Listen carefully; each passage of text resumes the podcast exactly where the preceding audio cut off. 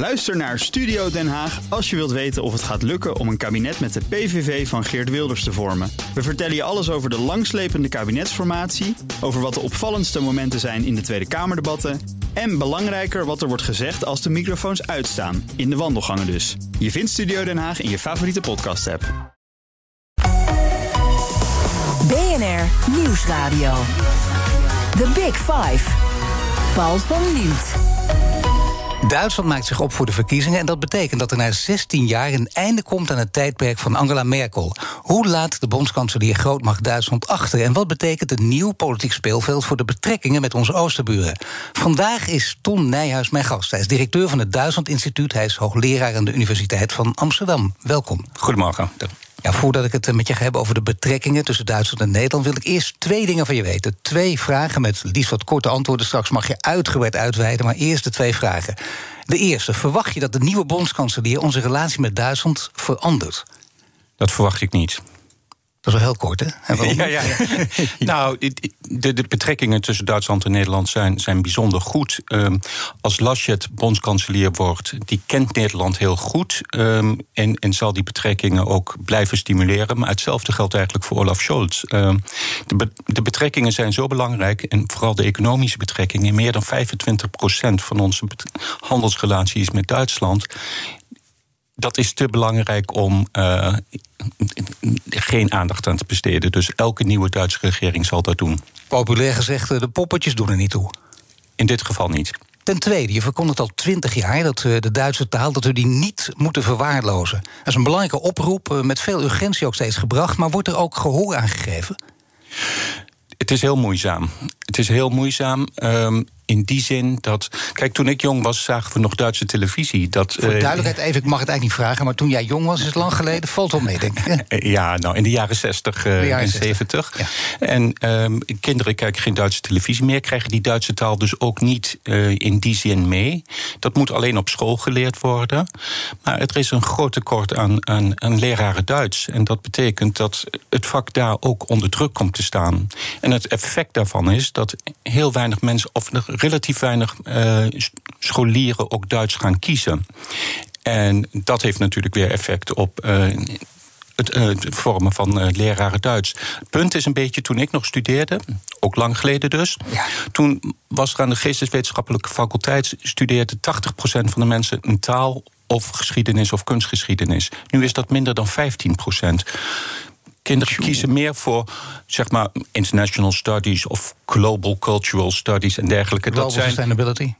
Ja, maar in ieder geval vakken die heel breed zijn, die een internationale allure hebben en waar ze als het ware al hun verlangens en, en wensen op kunnen projecteren. Er komt later dan niet zo heel veel van terecht, maar bij, leer, nee. bij Duits denk je toch aan je eigen leraar Duits in de middelbare school. Dat is dan minder aantrekkelijk. Dus we hebben daar echt een, een nationaal programma voor nodig om, om de positie van de, van de Germanistiek, Duitse taal en cultuur aan de universiteiten te versterken.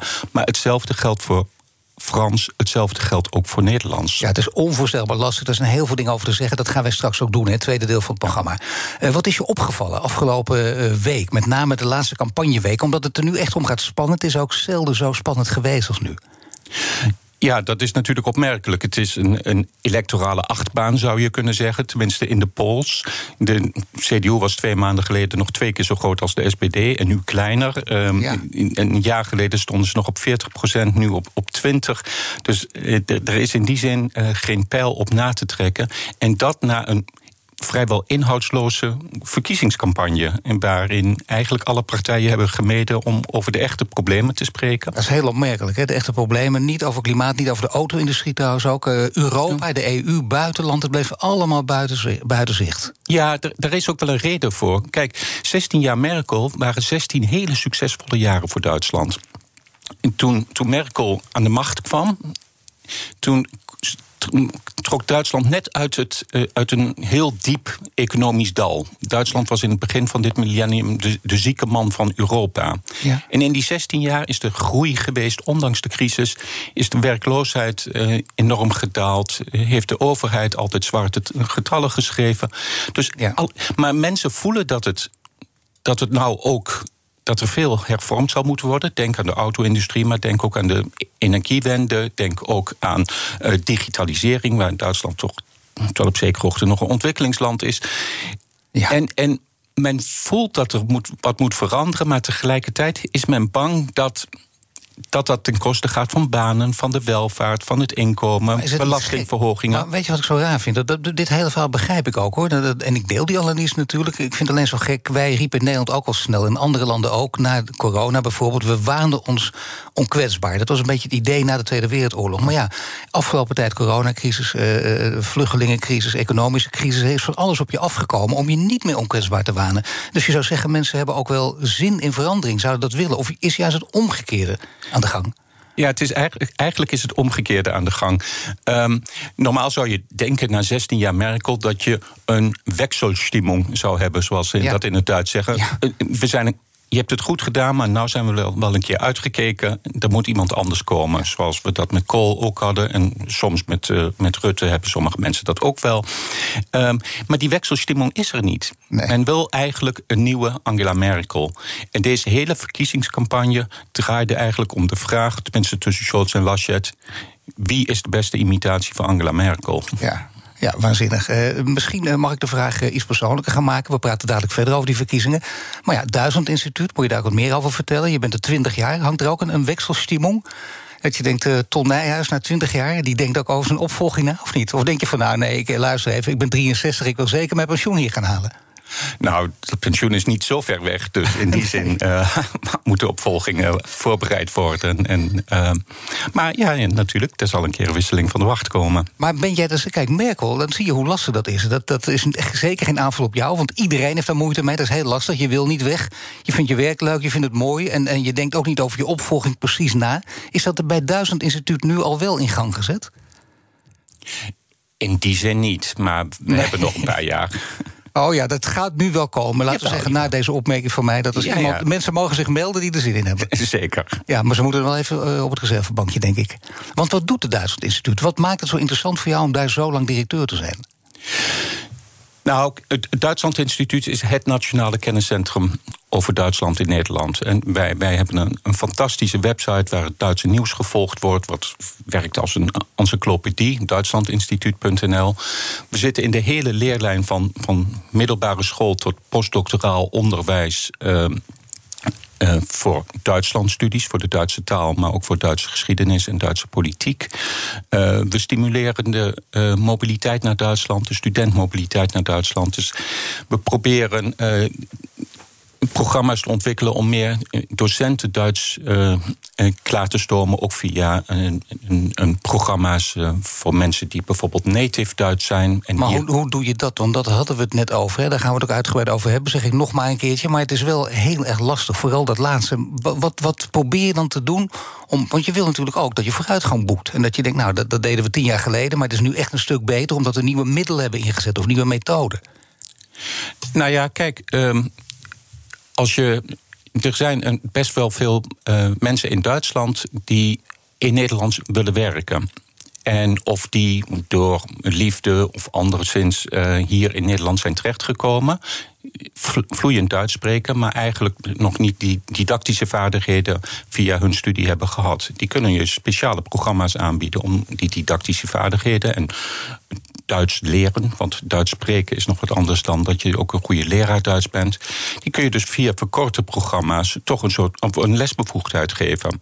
Maar het, je praat over uh, kleine getallen, dat, uh, dat wel, ja. Je praat over kleine getallen, moeten we misschien ook even erbij halen. Je hebt natuurlijk ook te maken met, uh, met schoolbesturen die heel veel te zeggen hebben. Die hebben het geld ook en die bepalen alles wat er gebeurt. En die kijken vaak een andere kant op, die maken andere keuzes. Speelt dat ook een grote rol in dit verhaal?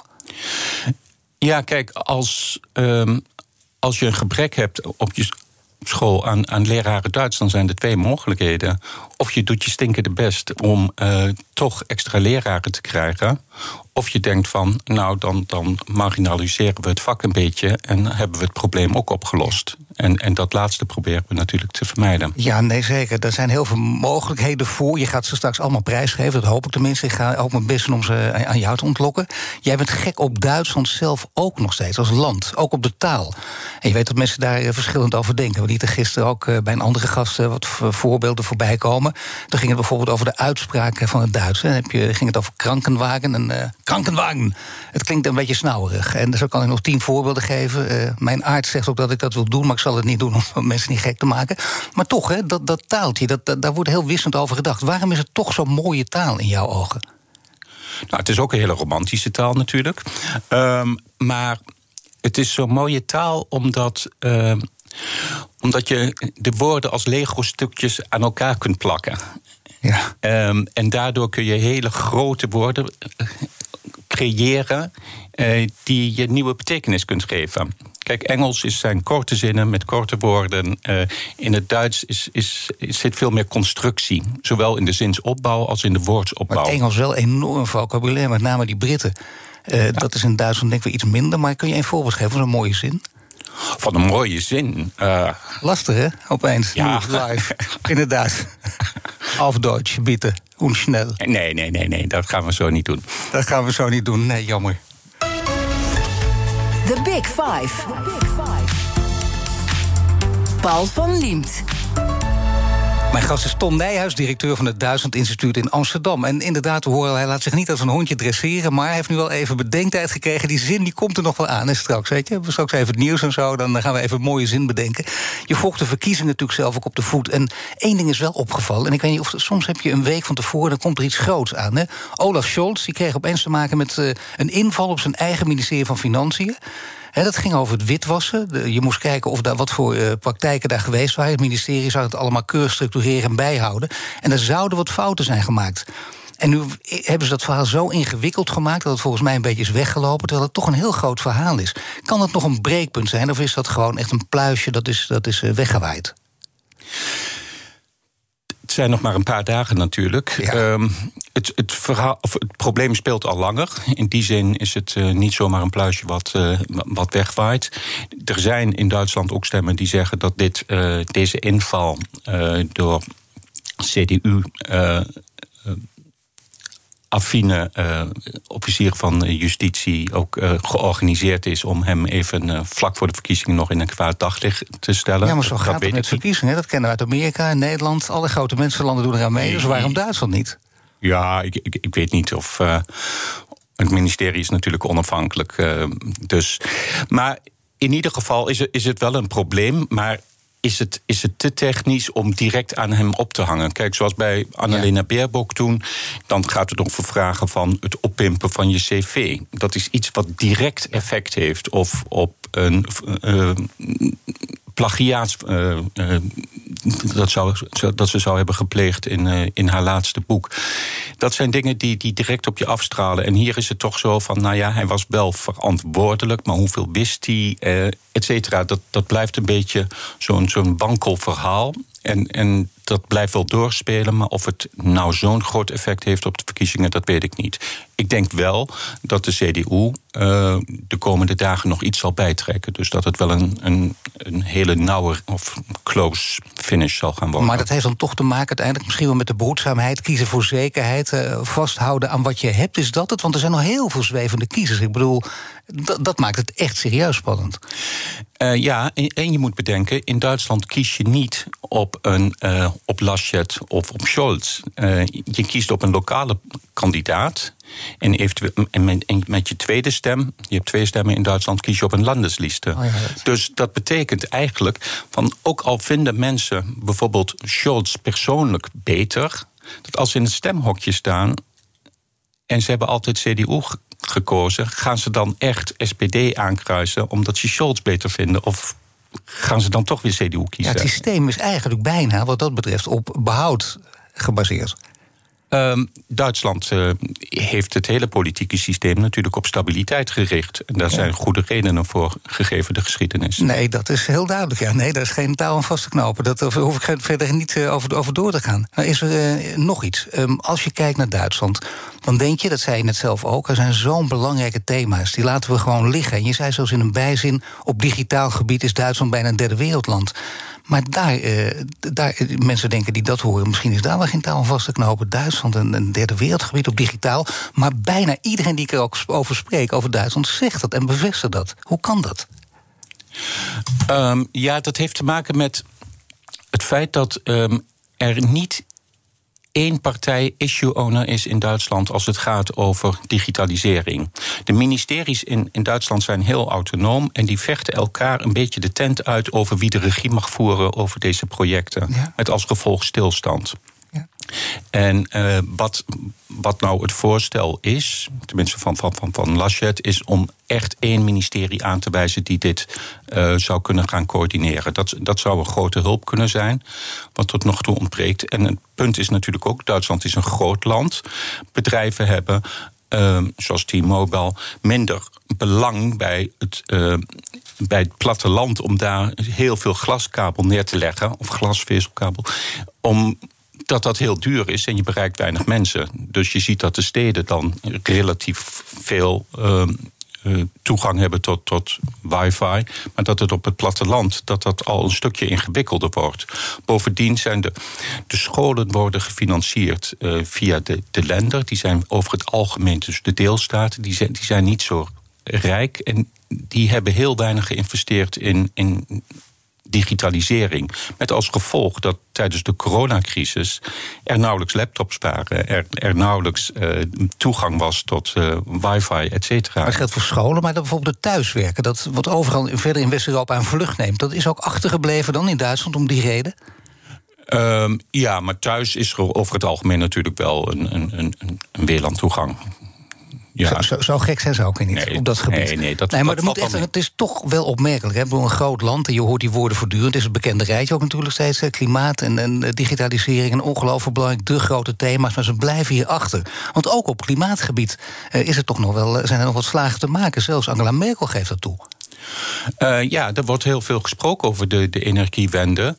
En, en Angela Merkel heeft natuurlijk toen uh, besloten tot de atoomausstieg, tot het, het afschaffen van, van, van kernenergie. Ja. Maar er was geen tussenoplossing nog uh, om, om de tijd te overbruggen. Dus die kerncentrales gaan er nu af.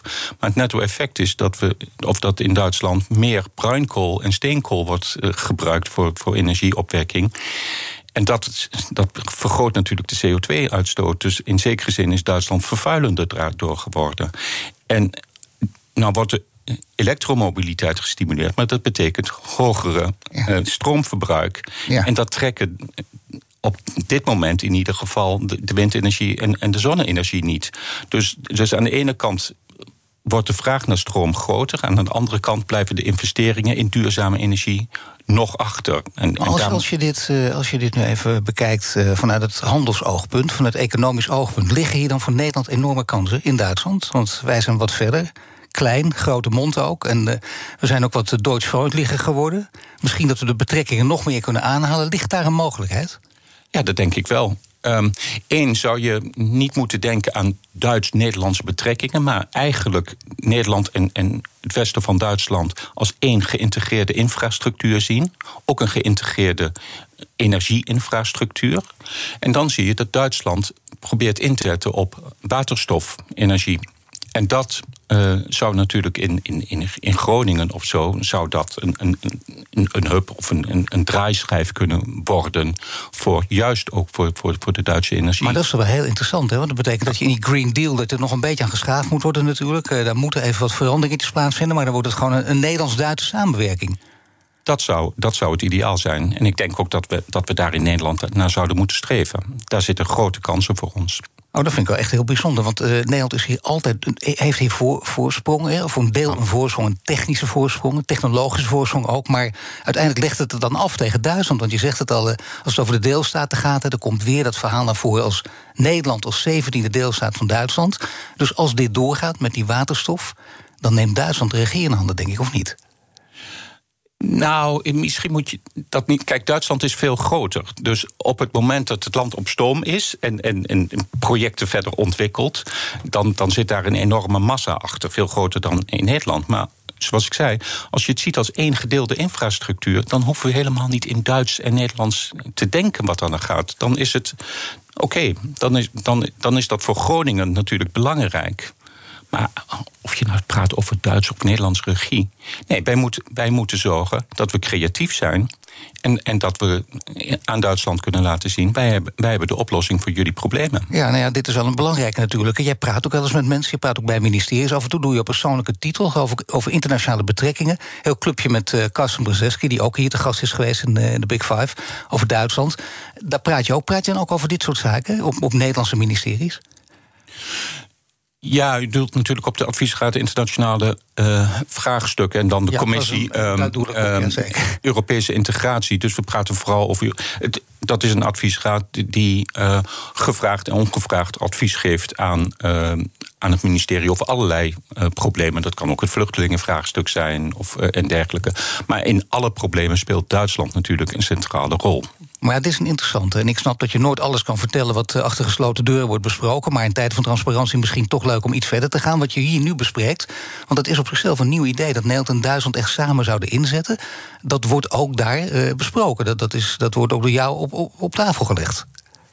Um, nou, niet, niet in, de, in, in de vorm van een advies nu. En dit, dit verkondig ik al jaren. Um, uh, misschien dat er een keer geluisterd wordt. Ja, maar dat is, heb je het idee dat dat nu gewoon, want je zit natuurlijk heel dicht bij het vuur, hè, dat daar nu ook stappen worden gezet? Nou, de stappen moeten uiteindelijk ook vooral door het bedrijfsleven worden gezet. Nou ja, daar, zit, daar, eh, daar zit de creativiteit en, en, en het bedrijfsleven zorgt voor, voor de werkgelegenheid. En kijk, dat geldt sowieso voor het hele bedrijfsleven nu. Als de, de Nederlandse. Uh, er zijn heel veel Nederlandse bedrijven toeleverancier voor Duitse auto's. En als Duitsland overgaat naar elektromobiliteit, betekent dat dat we andere producten zullen moeten gaan maken. Tuurlijk, en met name het bedrijfsleven moet daarop letten. Dat is niet een dovenmans oor gericht op deze zender. Straks praat ik verder met Tom Nijhuis, als directeur van het Duizend Instituut Amsterdam, over de nieuwe bondskanselier van onze Oosterburen. Blijf luisteren. Ook Thomas van Zeil vind je in de BNR-app. Je kunt live naar mij luisteren in Zaken doen. De BNR-app met breaking news, het laatste zakelijke nieuws... en je vindt er alle BNR-podcasts, bijvoorbeeld Het Nieuwe Geld. Download nu de gratis BNR-app en blijf scherp. BNR Nieuwsradio. The Big Five. Paul van Liemt. Welkom bij het tweede half uur. Deze week vijf kopstukken die het Duitsland van voor en na de verkiezingen in kaart brengen. Morgen praat ik met voormalig Duitsland-correspondent Margriet Brandsma over Angela Merkel. Te gast is Tom Nijhuis, hij is directeur van het Duitsland Instituut en hoogleraar aan de Universiteit van Amsterdam. Komend half uur wil ik in ieder geval nog twee onderwerpen met je bespreken. Namelijk de afname van het aantal studenten Duitse taal, hadden we het al een beetje over. En de totale omslag van onze houding ten opzichte van Duitsland. Dan laten we met het laatste beginnen. Want ja, dat is natuurlijk wel waar. Het Duitsland Instituut in 1996 eh, opgericht. Toen was de relatie tussen Nederland en Duitsland anders dan nu. Hoe was die toen jij het instituut oprichtte? Nou, in het begin van de jaren 90 was. Uh, uh, was er sprake van een negatief Duitslandbeeld. Er was ook sprake van, van wat politieke spanningen tussen Duitsland en Nederland. In, in de nadagen van, van, van, van de eenwording. De relatie tussen Kool en Lubbers was niet zo goed. Nee. En men had toen het gevoel van er moet een reset komen. En het Duitsland Instituut is eigenlijk een uit, uit die reset geboren. Van, eh, dat was in het kader van het Duitsland-programma Hoger Onderwijs van, het, uh, van de Nederlandse regering. En we hadden tot taak onder andere om dat uh, Duitslandbeeld, om daar wat aan te verbeteren. Wij hebben toen gezegd van, nou, we kunnen het, wij, zijn geen propaganda-instituut, we kunnen alleen academisch onderzoek doen en kennis over Duitsland verspreiden. Maar goede kennis is natuurlijk altijd de grondslag voor een, voor een in ieder geval uh, helderder Duitslandbeeld. En sinds wij bestaan is het, is het Duitslandbeeld volledig gedraaid.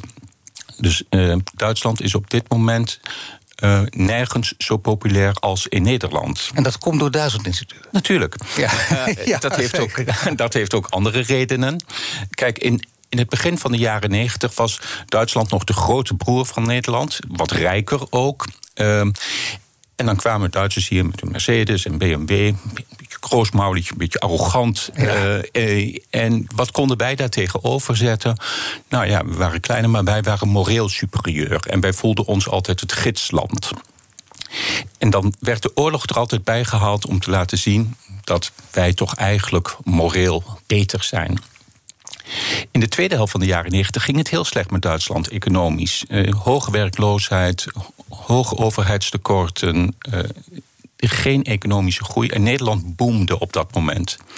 Toen kwam Duitsland kwamen Duitse werkgevers, werknemers kwamen massaal naar Nederland om te kijken van hoe doen jullie dat met dat poldermodel en kunnen we daarvan leren. En het was niet alleen de economie, maar ook de Nederlandse literatuur was heel populair en, en Nederlandse architectuur en hoe wij omgingen met integratie, eh, al dat soort vragen. Er was heel veel belangstelling vanuit Duitsland. En toen zag je van dat je in die polls kreeg je toen het idee van nou ja, ze zijn wel anders dan wij, maar eigenlijk best oké. Dus dat beeld veranderde al. En na 2004, dat heeft denk ik ook met eh, de oostelijke uitbreiding van de Europese Unie te maken, zie je nog weer wat anders.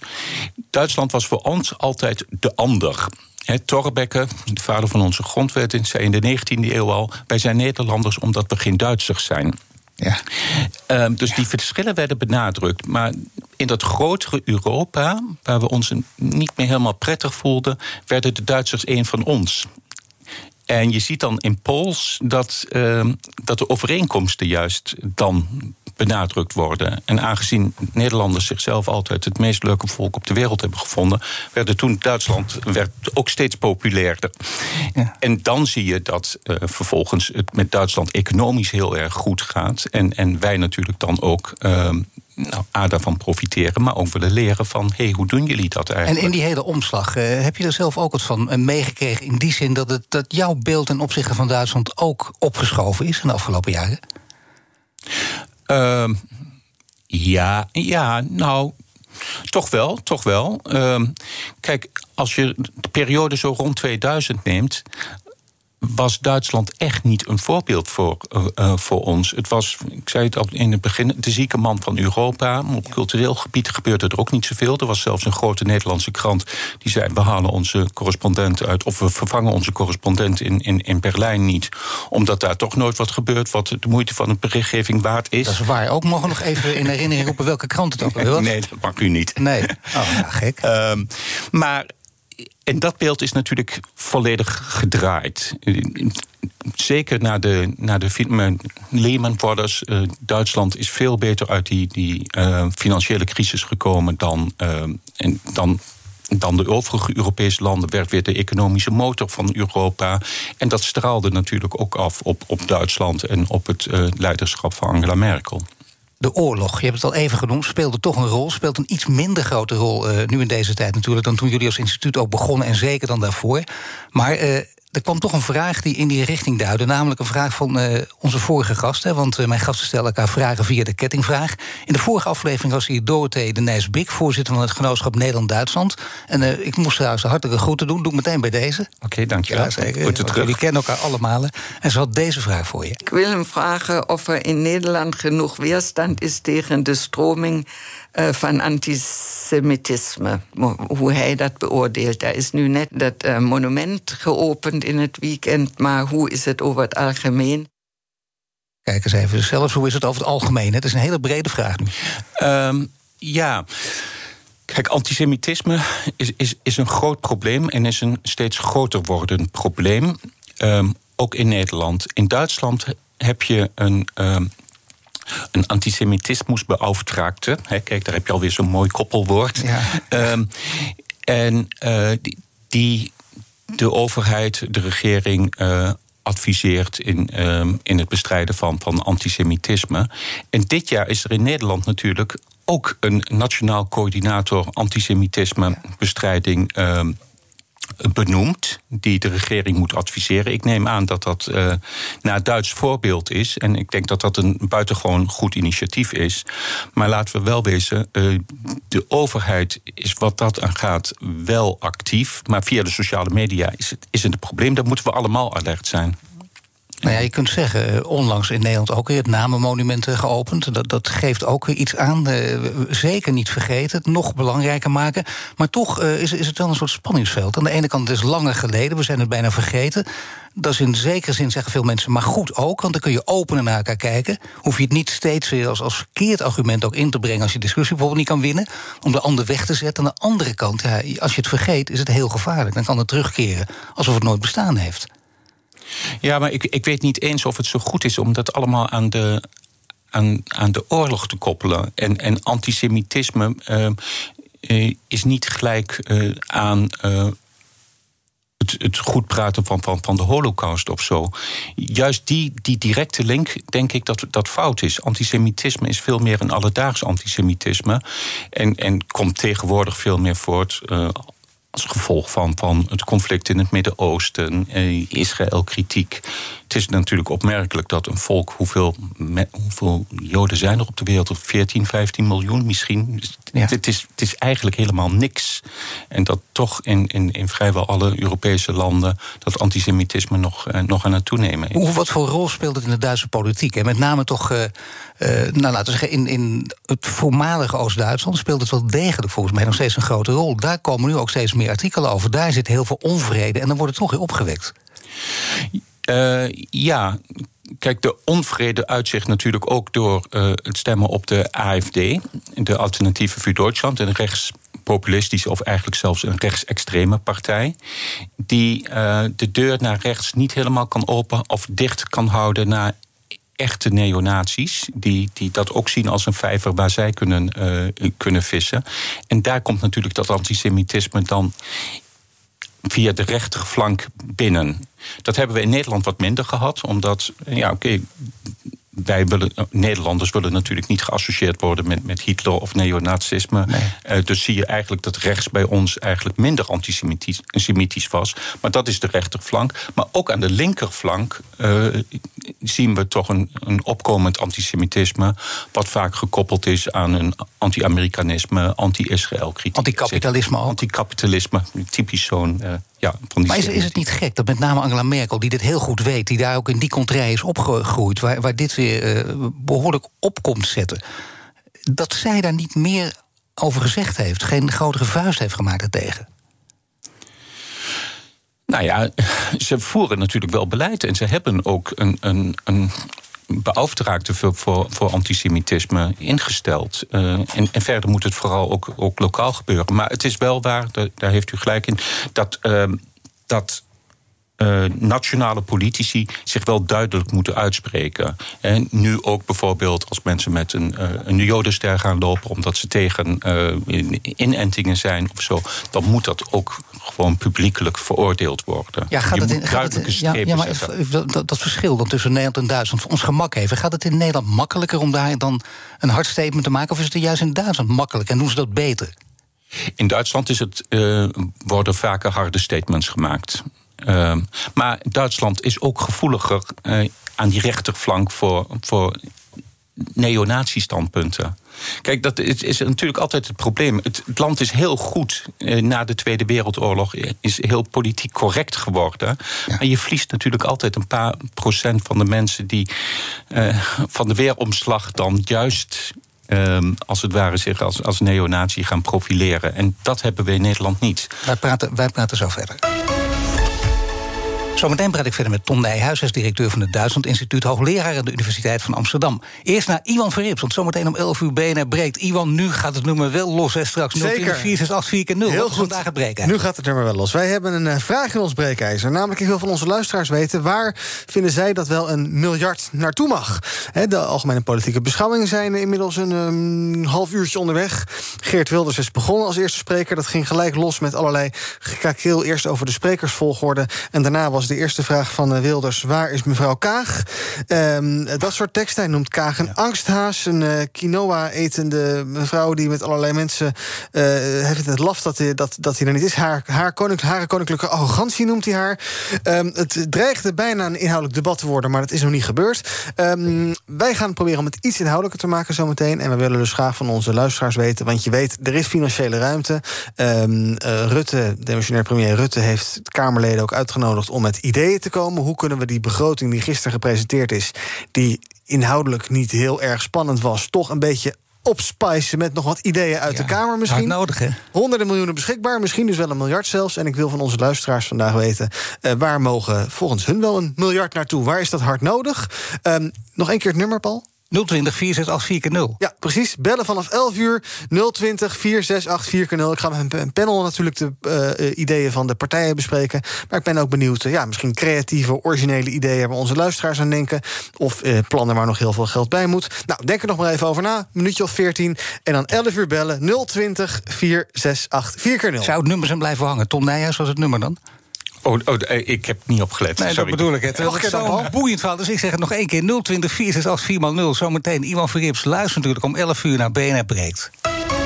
BNR Nieuwsradio. The Big Five. Paul van Liemt. Je luistert naar BNS Big Five van Duitsland. Later deze week praat ik nog met René Cuperus over de plek van Duitsland op het wereldtoneel. Mijn gast vandaag, Tom Nijhuis, directeur van het Duitsland Instituut, hoogleraar aan de Universiteit van Amsterdam. Maar hij gaat natuurlijk heel goed opletten nu, want ja, dit wordt echt de grote strijd bijna. De taalstrijd zou ik het uh, ongeveer willen dopen. Van Tom Nijhuis, want dat is een hele belangrijke voor jou. Vandaag ook nog de dag van de Duitse taal in het teken van het thema Austausch, oftewel uitwisseling. Laten we daar maar mee beginnen. Waarom dat thema? Je, je zou kunnen zeggen, kijk, wij zijn allemaal zo voor Europese integratie. En Europa is natuurlijk meer dan een, een bureaucratisch apparaat dat regels stelt. Europa kan pas leven op het moment dat we over de grens met elkaar praten, uh, et cetera. Dus Europa moet geleefd worden. En om Europa te laten leven, moeten we interesse in elkaar hebben. Het verbaast mij vaak dat, dat landen zo in zichzelf gericht zijn. Veel mensen weten eigenlijk helemaal niet wat er in de Baltische Staten gebeurt, of zijn niet geïnteresseerd in Roemenië. Of zo.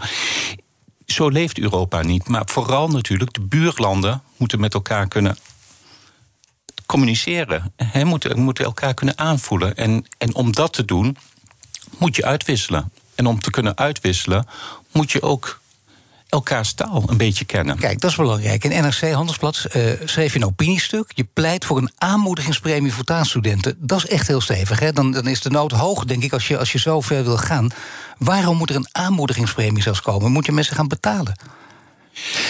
Nou ja, kijk, we kennen aan de universiteit kennen we sowieso het principe van de, van de arbeidsmarkttoeslag. Want ja. universitair docenten verdienen niet zo heel veel. En als je in vakken zit, eh, als business eh, schools en dergelijke, dan zou je in het bedrijfsleven veel meer kunnen verdienen. Dus die, die krijgen een extra premie om toch aan de universiteit verbonden te blijven. Dus we kennen dat principe eigenlijk al wel. Kijk, wat mij zo verbaast is. Natuurlijk mensen hebben vrijheid uh, van, van, van, van onderwijs en iedereen mag kiezen wat hij wil. Uh, maar we hebben natuurlijk ook behoefte aan uh, nieuwe werknemers voor het bedrijfsleven, et cetera. Dus de, de volledige studievrijheid leidt er niet per definitie toe dat mensen ook die vakken kiezen waar we echt behoefte aan hebben. Ik zal een voorbeeld geven wat eigenlijk een beetje ver weg ligt. In Europa zeggen ze een academische studie is belangrijk.